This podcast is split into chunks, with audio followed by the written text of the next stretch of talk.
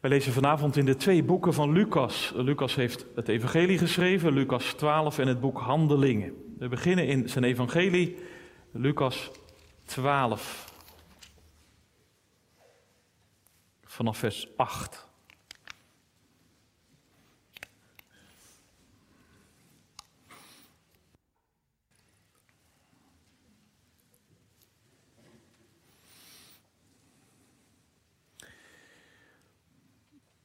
Dan zegt Jezus, en ik zeg u, ieder die mij beleiden zal voor de mensen, die zal ook de zoon des mensen beleiden voor de engelen van God. Maar wie mij verloochenen zal voor de mensen, die zal verloochend worden voor de engelen van God. En ieder die enig woord spreken zal tegen de zoon des mensen, het zal hem vergeven worden. Maar wie tegen de Heilige Geest gelasterd zal hebben, het zal hem niet vergeven worden. Wanneer ze dan u zullen brengen naar de synagogen en voor de overheden en de machthebbers, Wees dan niet bezorgd hoe of wat u ter verdediging moet zeggen of wat u moet spreken. Want de Heilige Geest zal u in dat uur leren wat u moet zeggen. Vervolgens lezen we uit het boek Handelingen, Handelingen 4. Zoals u weet begint en eindigt Lucas zijn evangelie in de tempel en het boek Handelingen begint bij het koninkrijk van God en eindigt met het koninkrijk van God dat zijn voortgang vindt. Petrus en Johannes hebben zojuist een kreupele genezen. En dan lezen we het volgende in Handelingen 4. En terwijl ze tot het volk spraken, kwamen de priesters, de bevelhebber van de tempelwacht en de Sadduceeën op en af. Geërgerd omdat ze het volk onderwezen en in Jezus de opstanding uit de doden verkondigden. Ze sloegen de hand aan hen en zetten hen gevangen tot de volgende dag, want het was al avond. En vele van hen die het woord gehoord hadden, geloofden. En het aantal mannen werd ongeveer 5000. Het gebeurde de volgende dag dat hun leiders en oudsten en schriftgeleerden in Jeruzalem bijeenkwamen. Ook Annas, de hoge priester, en Caiaphas, Johannes, Alexander en allen die tot het hoge priestelijk geslacht behoorden. En toen zij hen in het midden hadden doen staan, vroegen ze: Door welke kracht of door welke naam hebt u dit gedaan? Toen zei Petrus, vervuld met de Heilige Geest, tegen hen, leiders van het volk en oudsten van Israël. Wanneer wij vandaag ondervraagd worden over de weldaad aan een zieke man bewezen, waardoor hij gezond geworden is, laat het dan bij u allen en bij heel het volk Israël bekend zijn dat door de naam van Jezus Christus, de Nazarener, die u gekruisigd hebt, maar die God uit de doden opgewekt heeft, dat door hem deze man hier gezond voor u staat. Deze Jezus is de steen die door u de bouwers veracht werd, maar die de hoeksteen geworden is. En de zaligheid is in geen ander, want er is onder de hemel geen andere naam onder de mens gegeven, waardoor wij zalig moeten worden. Toen ze nu de vrijmoedigheid van Petrus en Johannes zagen en merkten dat ze ongeleerde en eenvoudige mensen waren, verwonderden zich en herkenden zij hen als mensen die met Jezus samen geweest waren. En omdat ze de man die genezen was bij hen zagen staan, konden ze er niets tegen inbrengen. En nadat ze hun bevolen hadden de raad te verlaten, overlegden ze met elkaar en zeiden: Wat zullen we met deze mensen doen? Want dat er een alom teken door hen is verricht, is duidelijk voor alle die in Jeruzalem wonen en wij kunnen het niet ontkennen. Maar laten we, opdat het niet verder onder het volk bekend raakt, hun met de grootste dreiging gebieden dat ze tot geen enkel mens meer in die naam mogen spreken. En na hen geroepen te hebben, gaven zij hun het bevel helemaal niet meer te spreken of te onderwijzen in de naam van Jezus. Maar Petrus en Johannes antwoordden en zeiden tegen hen: Oordeel zelf of het juist is in Gods ogen meer naar u te luisteren dan naar God. Want wij kunnen niet nalaten te spreken over wat wij gezien en gehoord hebben. Maar zij dreigden hen nog meer en omdat ze niets konden vinden om hen te straffen, lieten zij hen gaan ter wille van het volk, want ze verheerlijkten allen God over wat er gebeurd was. Want de man aan wie dit teken van genezing verricht was, was ouder dan 40 jaar. En nadat ze losgelaten waren, gingen ze naar hun eigen mensen en berichtten alles wat de overpriesters en de oudsten tegen hen gezegd hadden. En toen ze dat gehoord hadden, verhieven zij eensgezind hun stem tot God en zeiden: Heere, U bent de God die de hemel en de aarde en de zee gemaakt hebt en alle dingen die erin zijn. En die bij monden van David uw knecht gezegd hebt, waarom woeden de heidenvolken en bedenken de volken wat inhoudsloos is? De koningen van de aarde stellen zich op en de vorsten spannen samen tegen de Heer en tegen zijn gezalfde. Want in waarheid tegen uw heilig kind Jezus, die u gezalfd hebt, zijn Herodes en Pontius Pilatus samen met de heiden en de volken van Israël bijeengekomen, om alles te doen wat uw hand en uw raadsbesluit van tevoren bepaald had dat er gebeuren zou. Nu dan, heren, sla acht op hun bedreigingen en geef uw dienstknechten met alle vrijmoedigheid uw woord te spreken, doordat u uw hand uitstrekt tot genezing en er tekenen en wonderen gebeuren door de naam van uw heilig kind Jezus. En toen ze gebeden hadden, werd de plaats waar ze bijeen waren bewogen. En zij werden allen vervuld met de Heilige Geest en spraken het woord van God met vrijmoedigheid. Dit is het woord van God. De spits van de preek in deze leerdienst ligt in vers 12 en 13 van Handelingen 4. En de zaligheid is in geen ander, want er is onder de hemel geen andere naam onder de mensen gegeven, waardoor we zalig moeten worden. Toen ze nu de vrijmoedigheid van Petrus en Johannes zagen en merkten dat ze ongeleerde en eenvoudige mensen waren, verwonderden zij zich en erkenden zij hen als mensen die met Jezus samen geweest waren. Wij lezen uit de beleidenis van onze kerk uit zondag 11, vraag en antwoord 29 en 30. We zijn bezig met de behandeling van de twaalf artikelen. Vorige week zondag 10 over de zorg van de vader, de vader die voorziet. En nu zondag 11.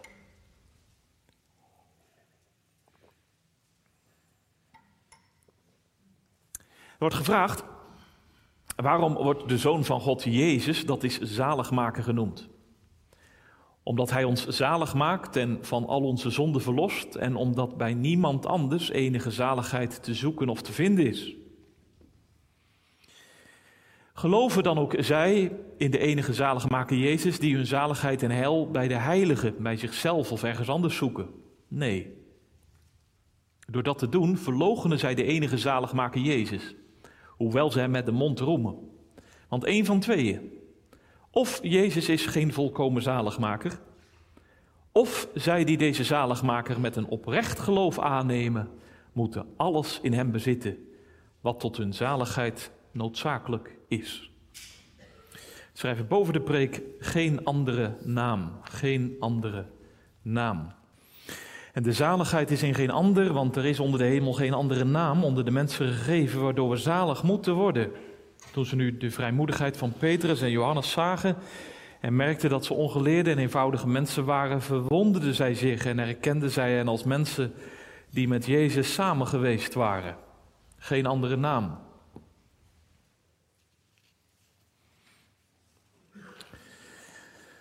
Ja, gemeente, iedereen heeft een naam gekregen, toch? U, jij en ik, we zijn geen nummers, maar we kregen een naam. Zo onderscheiden wij elkaar. De een heet Jan, de ander heet Loes. Weer een ander heet Juda, nog weer een ander heet Hanna. Namen in overvloed. Een vader en een moeder, ze krijgen een kind. Ze zitten bij elkaar, ze wikken, ze wegen. Wat zullen we doen? Wat vind jij mooi? Hoe denk je over deze naam? Wat dacht je van die naam? Zullen we ons kind vernoemen? Geven we nog een speciale doopnaam? Zo gaat dat. Jezus kreeg ook een naam. Van wie? Van Jozef, van Maria? Nou, inderdaad, Jozef heeft hem zijn naam gegeven. Jozef is namelijk een verre nazaat van David de koning. Hij treedt op als vader van dit kind. Hij geeft op de achtste dag zijn zoon deze naam, Jezus. Alleen apart genoeg, die naam heeft hij niet van zichzelf. Hij heeft hem ook niet van Maria, je kent het verhaal vast wel. Jozef heeft die naam van een engel doorgekregen. In Matthäus 1 staat dat. Jozef, zoon van David, verlaat Maria niet. Ze is zwanger uit de Heilige Geest. Jij mag vader zijn van dit kind en noem hem Jezus. De Griekse vorm van het Hebreeuwse Joshua, Joshua, Yahweh red. Nee, op zichzelf is die naam heel gewoon. Heel wat kinderen, ook in de dagen van Jezus, werden zo genoemd. Misschien zat er in de klas bij Jezus nog wel meer kinderen die zo werden genoemd. Jezus. En vandaag klinkt die naam nog steeds in sommige landen. In Peru, in Kenia, in uh, Spanje, Mexico. Jongens die Jesus worden genoemd. Mooie naam. Alleen, nu moet je even weten, in de Bijbel krijgt iemand nooit zomaar een naam. Een naam in de Bijbel vertelt iets over je levensbestemming. Gaat maar na. Eva, de levengevende. Jacob, de hielenlichter. Israël, de strijder met God. Mozes, de uit het water getrokkene. En Jezus dan? Wat is zijn bestemming? Wacht, stil. De engel zegt het erbij in Matthäus 1, vers 21. Noem hem Jezus. Want hij zal zijn volk zalig maken van hun zonde. Dat is een roeping. Niet alleen Jezus heten, maar ook Jezus zijn. Redder, verlosser, zaligmaker. Daar komt hij voor. Dat is zijn taak, dat is zijn werk. Dat is zijn leven. Jezus, zaligmaker van hun zonde. Vertel eens, wat vind je van die naam? Vind je hem mooi? Of vind je hem lelijk? Ik vraag het maar, want wees eerlijk, die naam klinkt overal. Ik geef toe, voor velen is het eigenlijk vandaag alleen maar een stopwoord. Als iets tegen zit, als het niet lukt. De naam Jezus wordt er door velen in ons land er zomaar uitgegooid. En anderen gebruiken die naam niet of nooit. Godsdienstige mensen die zich er juist aan ergeren, want ja, dat heeft de zakken maar vol van Jezus. Dat zijn van die Jezus-mannetjes. Voor weer anderen is die naam Jezus wel bekend, maar meer ook niet. Ze zeggen ja, dat er 2000 jaar geleden hier een man heeft rondgelopen op aarde met de naam Jezus. Dat geloof ik wel, maar dat ik hem echt nodig heb als mijn redder? Nou nee, ik red mezelf wel. En dat ik zonde doe en zondaar ben, dat is allemaal wel erg overdreven aangezet hoor. Kijk, ik maak soms foutjes natuurlijk.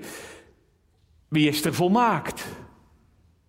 Maar daar heb ik Jezus niet voor nodig. Dat kruis en dat graf, dat had hij voor mij niet hoeven doen. Nou ja, zo spreken mensen soms buiten de kerk. Maar hoe spreek jij eigenlijk over Jezus? Hoe vertrouwd en goed klinkt die naam Jezus in je oor? Ik bedoel vanavond, heb je werk voor Hem? Heb je werk voor Jezus? Mag Jezus Jezus voor jou zijn? Heeft Hij je al zalig gemaakt van je zonde? Heb je Hem nodig? Of fret je het zelf ook wel best? De Heidelberger zegt, Jezus maakt zalig hij verlost van alle zonde en bij niemand anders is er enige zaligheid te zoeken of te vinden. Dat klinkt heel absoluut, vind je niet? In ronde bewoordingen, zonder enig aarzelen. De Heidelberger gaat verder en zegt: Als het over Jezus gaat, dan is het van tweeën één. Of Jezus is geen volkomen zaligmaker, of je hebt hem aangenomen met een oprecht geloof, maar dan bezit je in Jezus ook alles tot je zaligheid en in niemand anders. Dus alles wordt vanavond afgesneden buiten Jezus, resoluut en rigoureus. Maar juist daarin klinkt ook zoveel liefde, gemeente. Want in Jezus heb je ook echt alles. Wist je dat? Als je Jezus hebt in een oprecht geloof, dan heb je ook echt alles. Alles wat je nodig hebt om zalig te leven. Alles wat je nodig hebt om zalig te sterven. Meer heb je niet nodig in dit leven. En voor minder kan het niet. Ja, die resolute taal die heeft de Heidelberger van Petrus geleerd. Kijk maar mee in Handelingen 4. Want juist dat hoofdstuk wat we lazen is vol van de naam Jezus. Steeds komt dat terug. Zie je dat? Wel zes keer. Gaat maar even na met me. Vers 7. Door welke naam hebt u dit gedaan? Vers 10. Door de naam van Jezus Christus. Vers 17. Dat ze niet meer in die naam mogen spreken. Vers 18. Onderwijzen in de naam van Jezus.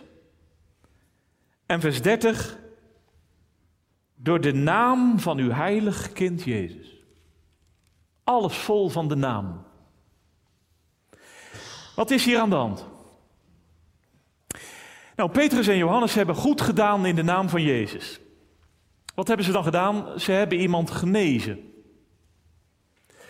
Het woord van Jezus wordt vervuld, wat hij sprak in Lucas 9 en Lucas 10. Daar werden de discipelen opgeroepen om ook zieken te genezen. Petrus en Johannes zijn naar de tempel gegaan om te bidden en onderweg zien ze een verlamde man zitten. Hij zit daar bij de schone poort 40 jaar lang. Petrus en Johannes ze komen voorbij, goud of zilver hebben ze niet, maar wat ze hebben geven ze in de naam van Jezus de Nazarener. Sta op en ga lopen. En zo waar het gebeurt. Jezus toont dat hij de levend is. Het volk ziet het en stroomt samen in de zuilengang van Salomo. Velen zijn verbaasd. Wat is dit?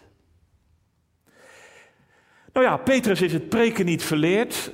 Hij heeft sinds Handelingen 2, zou je zeggen, de smaak te pakken. Hij gaat staan, hij houdt een forse preek. Alleen terwijl hij preekt, grijpt de tempelpolitie in. Jezus, die opgestaan zou zijn uit de doden, stop, wacht, dat mag niet verkondigd worden. Priesters, de bevelhebber van de tempelwacht en de Sadduceeën, sluiten samen een bondje. Ze zijn er samen van overtuigd, ja, dit moet echt afgelopen zijn. Want zo begint alles weer van vooraf aan. We waren net van Jezus af, eindelijk rust, krijgen we dit weer. Petrus en Johannes verdwijnen daarom in de gevangenis. Ja, wie goed doet in de naam van Jezus, die krijgt met lijden te maken. Zo ging het toen, zo gaat het nu. Hou er maar rekening mee. Alleen zie je dat? Lucas voegt er feintjes in vers 4 aan toe. Terwijl ze gevangen zitten, komen 5000 mannen tot geloof. Hemels humor. De Heilige Geest werkt gewoon door op die preek van Petrus.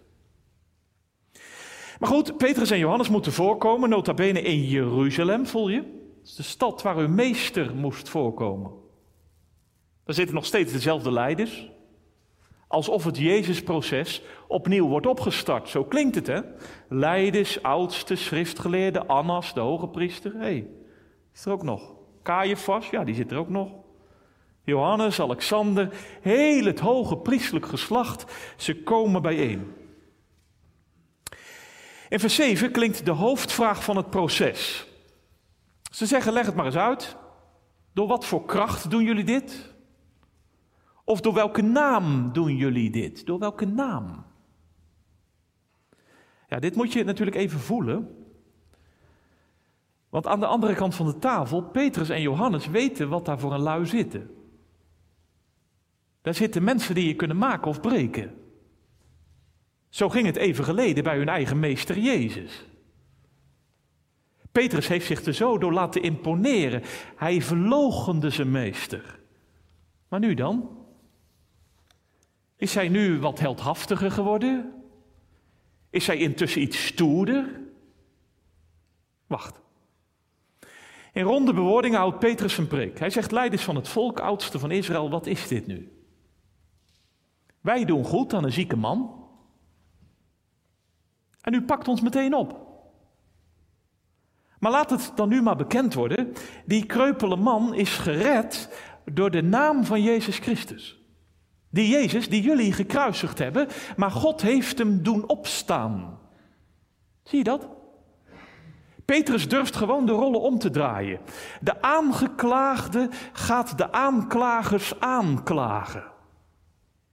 Jullie hebben Jezus gekruisigd.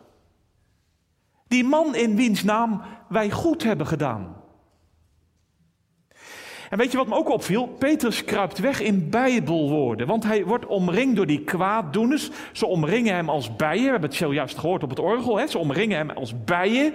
Maar in de naam van de Heer slaat hij hen neer. Hij dooft hen uit als een doornenvuur. Psalm 118. En hij zegt, Jezus, dat is die steen die door u de bouwers veracht werd. Alleen die steen, die is tot een hoeksteen geworden. En dan volgt die geweldige tekstgemeente. Die moet je deze week gewoon uit je hoofd leren als je hem nog niet kent. En de zaligheid is in geen ander. Want er is onder de hemel geen andere naam gegeven onder de mensen door wie wij zalig moeten worden. Hoor je dat? Petrus zegt, die naam waardoor wij goed doen, die naam Jezus, die is gegeven. Nee, niet alleen aan Israël, maar onder de hemel. Dat betekent onder de hemelkoepel. Zo wijd, zo breed. De hemel waar iedereen onder leeft. Daaronder is die naam gegeven aan de mensen. Waarom? Omdat we zalig moeten worden. En er is geen andere naam waardoor dat kan. Alleen de naam Jezus. Ja, Petrus die spreekt heel absoluut en exclusief tegen al die leiders van Israël. Dat heeft toen natuurlijk heel vreemd geklonken, want die mensen achter die tafel, die hebben Jezus zien lopen, die hebben Jezus zijn werk zien doen. Ja, zou dat hem dan zijn? Zouden we daar dan zalig door moeten worden? Dat klonk toen vreemd en dat klinkt vandaag nog steeds vreemd. Alleen Petrus, hij is er vast van overtuigd. Hij neemt er geen woord van terug en dat moeten wij vandaag dus ook niet doen. Er is geen andere naam waardoor we zalig moeten worden dan de naam Jezus. Maar wat is dat dan zalig worden? Wat is zalig worden? Ja, zeg je dat is vergeving van zonde ontvangen. Helemaal waar. Alleen dat woord zaligheid moet je in het boek Handelingen breder opvatten. Zalig worden in het boek Handelingen betekent vergeving van zonde, opstanding uit de dood, redding uit alle narigheid en ellende. Voel je het mee? Dus zondag 11 zegt niet voor niets. Hij is een volkomen zaligmaker. Want in die naam Jezus ligt echt heel je zaligheid. Gewoon alles erop en eraan. Je vergeving, je vernieuwing, je opstanding uit de dood op de laatste dag, je eeuwig leven, je heerlijkheid, je redding. Alles ligt in Hem. Wat is Petrus zeker van zijn zaken? Nee, nee, nee, dat is geen stoerigheid van Petrus. Maar dat is vervulling. Want Jezus had het hem beloofd. Weet je nog? Lucas 12. Als ze jullie straks brengen naar de synagoge, als jullie straks moeten komen voor machthebbers en overheden, wees niet bang. De Heilige Geest zal je de woorden geven in dat uur. Hier gebeurt het. En daarom zegt vers 13, die leiders die zijn echt stom verbaasd om zoveel vrijmoedigheid. Nee, geen vrijpostigheid, maar vrijmoedigheid. Dat woord, dat Griekse woord, dat betekent zoiets als openheid tot de waarheid. Spreken terwijl er allerlei hindernissen zijn. Nou, die zijn er. Spreken terwijl er allerlei hindernissen zijn. Als een vrij mens toch alles zeggen gaan. En zie je dat? Die vrijmoedigheid wordt ook opgemerkt. Want de ondervragers die kijken naar elkaar en ze zeggen: uh, Dat zijn toch ongeleerde en eenvoudige mensen? Ongeleerd, ongeletterd, ze kunnen niet schrijven. Eenvoudig, ze zijn onontwikkeld, het zijn geen grote theologen, het zijn geen schriftgeleerden. Dit zijn toch idiotai? Dat Griekse woord staat er. Idiotai. Dat is geen kanseltaal. Staat recht.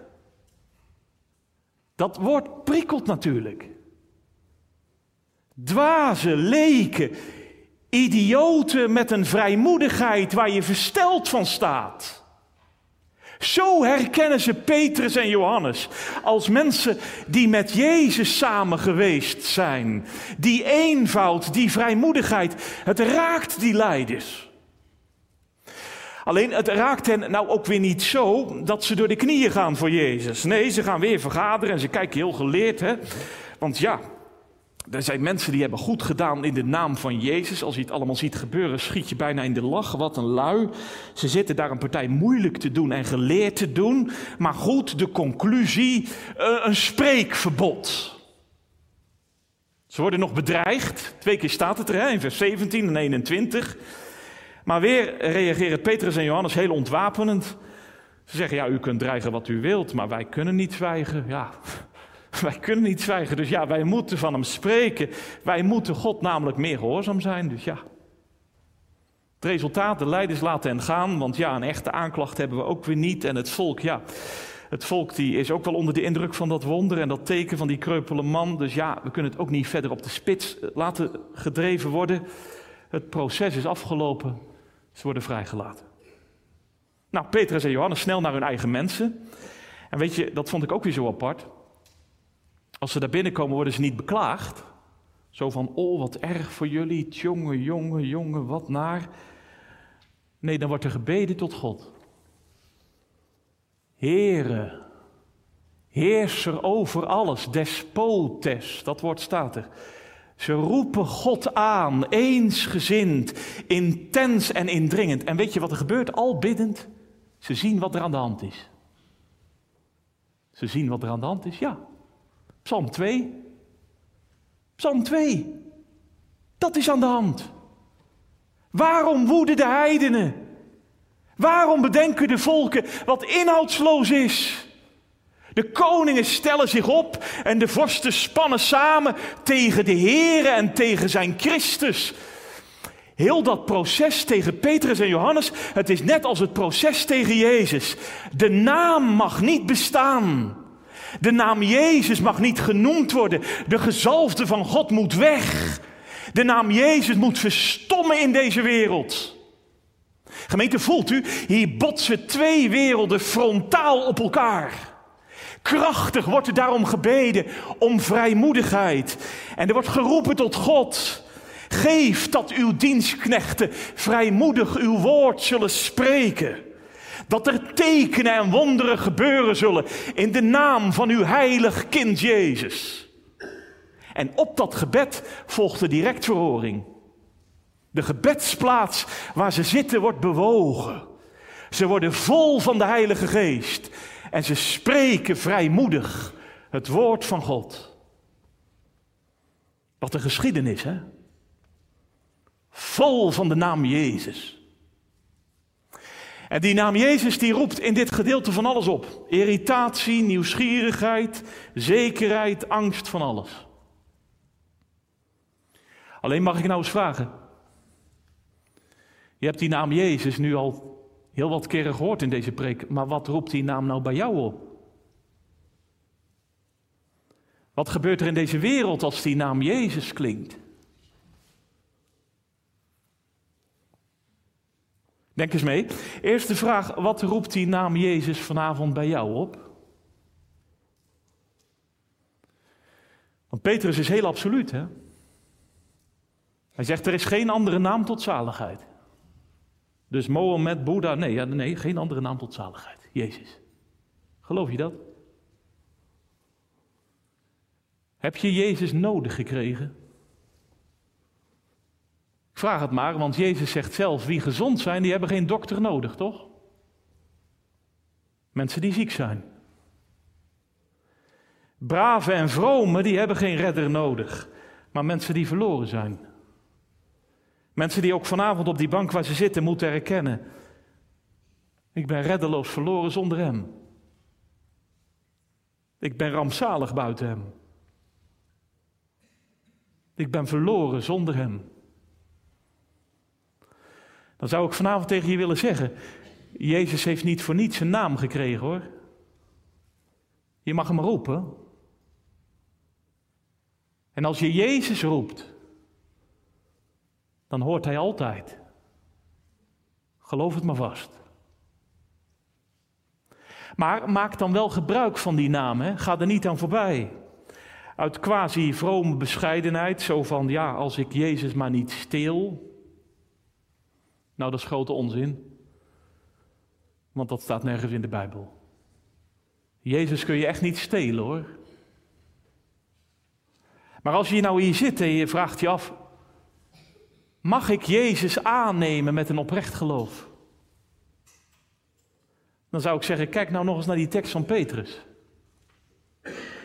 Want die naam die is gegeven, gegeven aan wie? Aan de uitverkorenen, aan de, nee, dat staat onder de hemel en onder de mensen.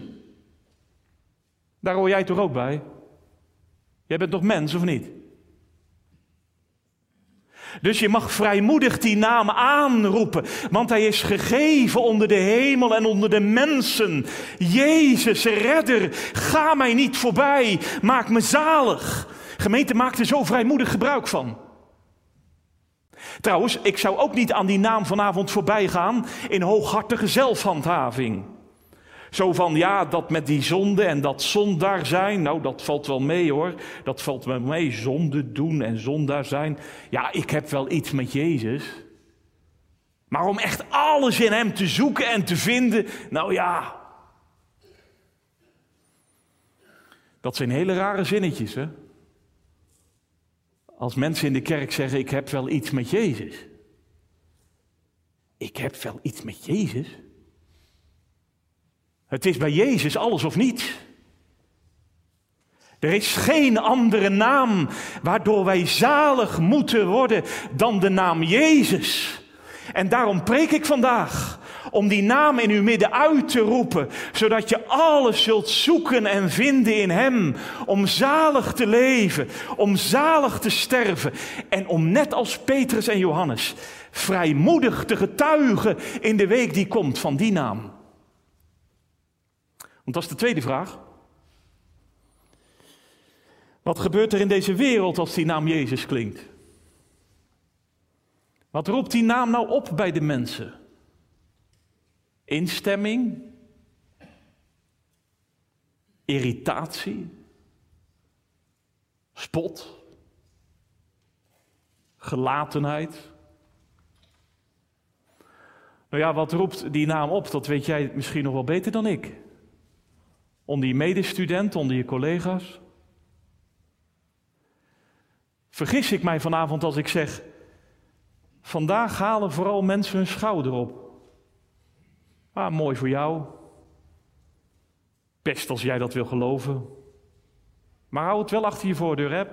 Probeer, mij niet te bekeren. Daar hou ik niet van. Ook vandaag ben je als je over Jezus spreekt al heel snel een idiotai. Een idioot. Een dwaas. Vreemd. Zonderling. Ja, dat voelt niet fijn. Zeker in onze cultuur. Ik kan me vergissen, maar wij ademen in een cultuur waarin we graag voor vol worden aangezien. We willen graag bijval. We willen graag meedoen dat het, wat we allemaal zeggen, intellectueel aanvaardbaar is. En dat wat we allemaal in de kerk beleiden wetenschappelijk goed is afgedekt, wat we hier allemaal geloven. En natuurlijk, dat is ook een aspect van geloven. We hoeven onze stand niet op nul te zetten en onze blik op oneindig. Alleen het geloof in de naam van Jezus is ook vreemd. Is ook echt vreemd. En de God die wij hier aanbidden vandaag, de God die we lief hebben, maakt ons ook tot een vreemde in deze wereld. Je bent al snel een idioot. Je wordt niet direct voor vol aangezien. Maar kun je dat hebben? Wil je dat? Durf je dat morgen?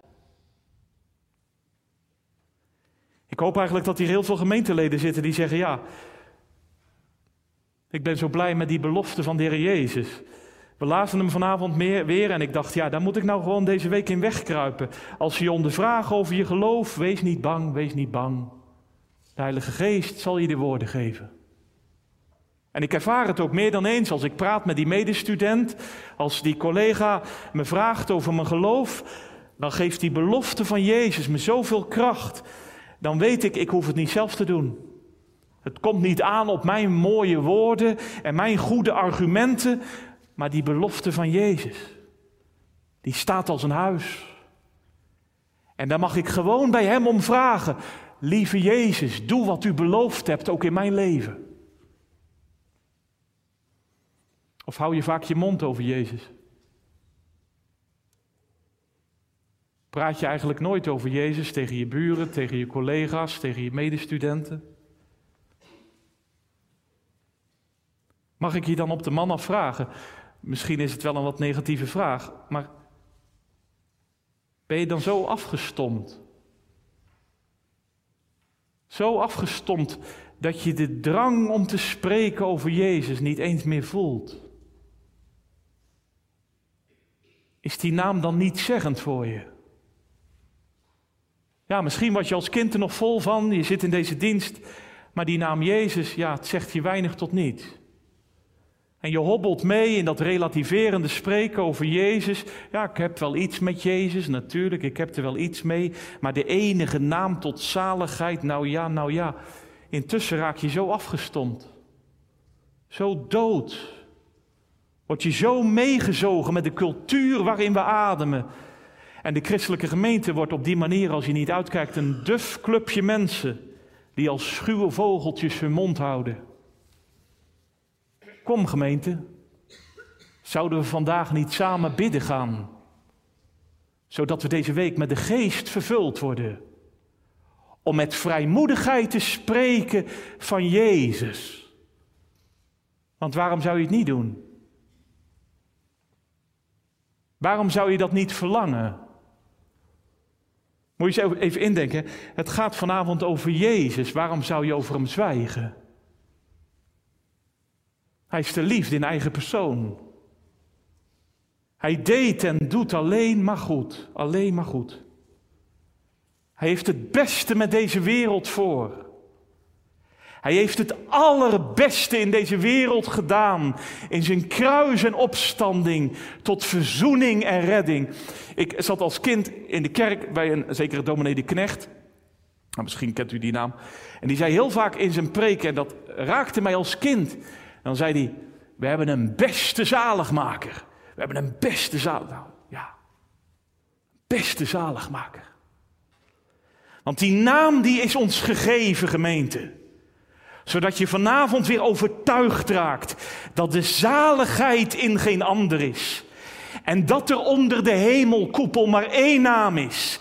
De naam Jezus, door wie wij zalig moeten worden. Gemeente, daarom bidden wij om vrijmoedigheid. In de week die komt, op al die plaatsen waar God ons deze week weer roept. Misschien wel een plaats waar niemand gelooft in Jezus. Om toch als een idioot vrijmoedig te spreken van Jezus. Om vervuld te worden met de geest van Pinksteren, zodat onze doodsheid wordt verdreven.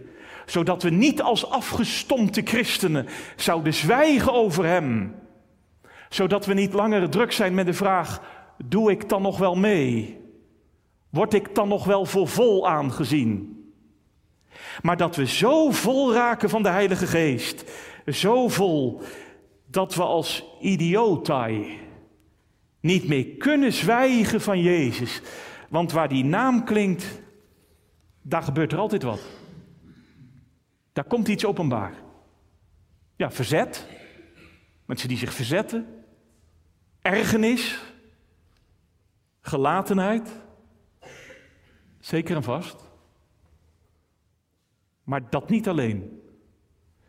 Want waar die naam klinkt, daar komt ook zoveel kracht in mee. Lees het hele boek Handelingen deze week maar door. Dit is namelijk de naam van de opgestane. Hoor je het? Hij die leeft. Hij is meer levend dan wij allemaal bij elkaar, gemeente. Dit is de naam die bevrijdt uit al je doodsheid. Dit is de naam die redt uit al de machten die zich breed maken. Juist ook vandaag in ons werelddeel en over de hele wereld. Die naam doet me opstaan. Die kreupele man is er het bewijs van. Die naam doet me huppelen. Die naam maakt me zo vrijmoedig door de kracht van de geest. Want wat verlies ik nou eigenlijk als ik mijn leven verlies aan Jezus? Wat verlies je dan? Als je vanavond je leven voor het eerst of opnieuw verliest aan Jezus, wat verlies je dan, jongens? Daar is toch niks aan verloren? Daar is alles aan gewonnen. En daarom bidden wij, Heere, geef ons als christenen in Zoetermeer en omgeving met alle vrijmoedigheid uw woord te spreken, doordat uw hand uitstrekt tot genezing. En dat er tekenen en wonderen gebeuren ook vandaag, door de naam van uw heilig kind Jezus, op mijn studie, op mijn werk, in mijn buurt, in heel Zoetermeer, in Nederland en over de hele wereld.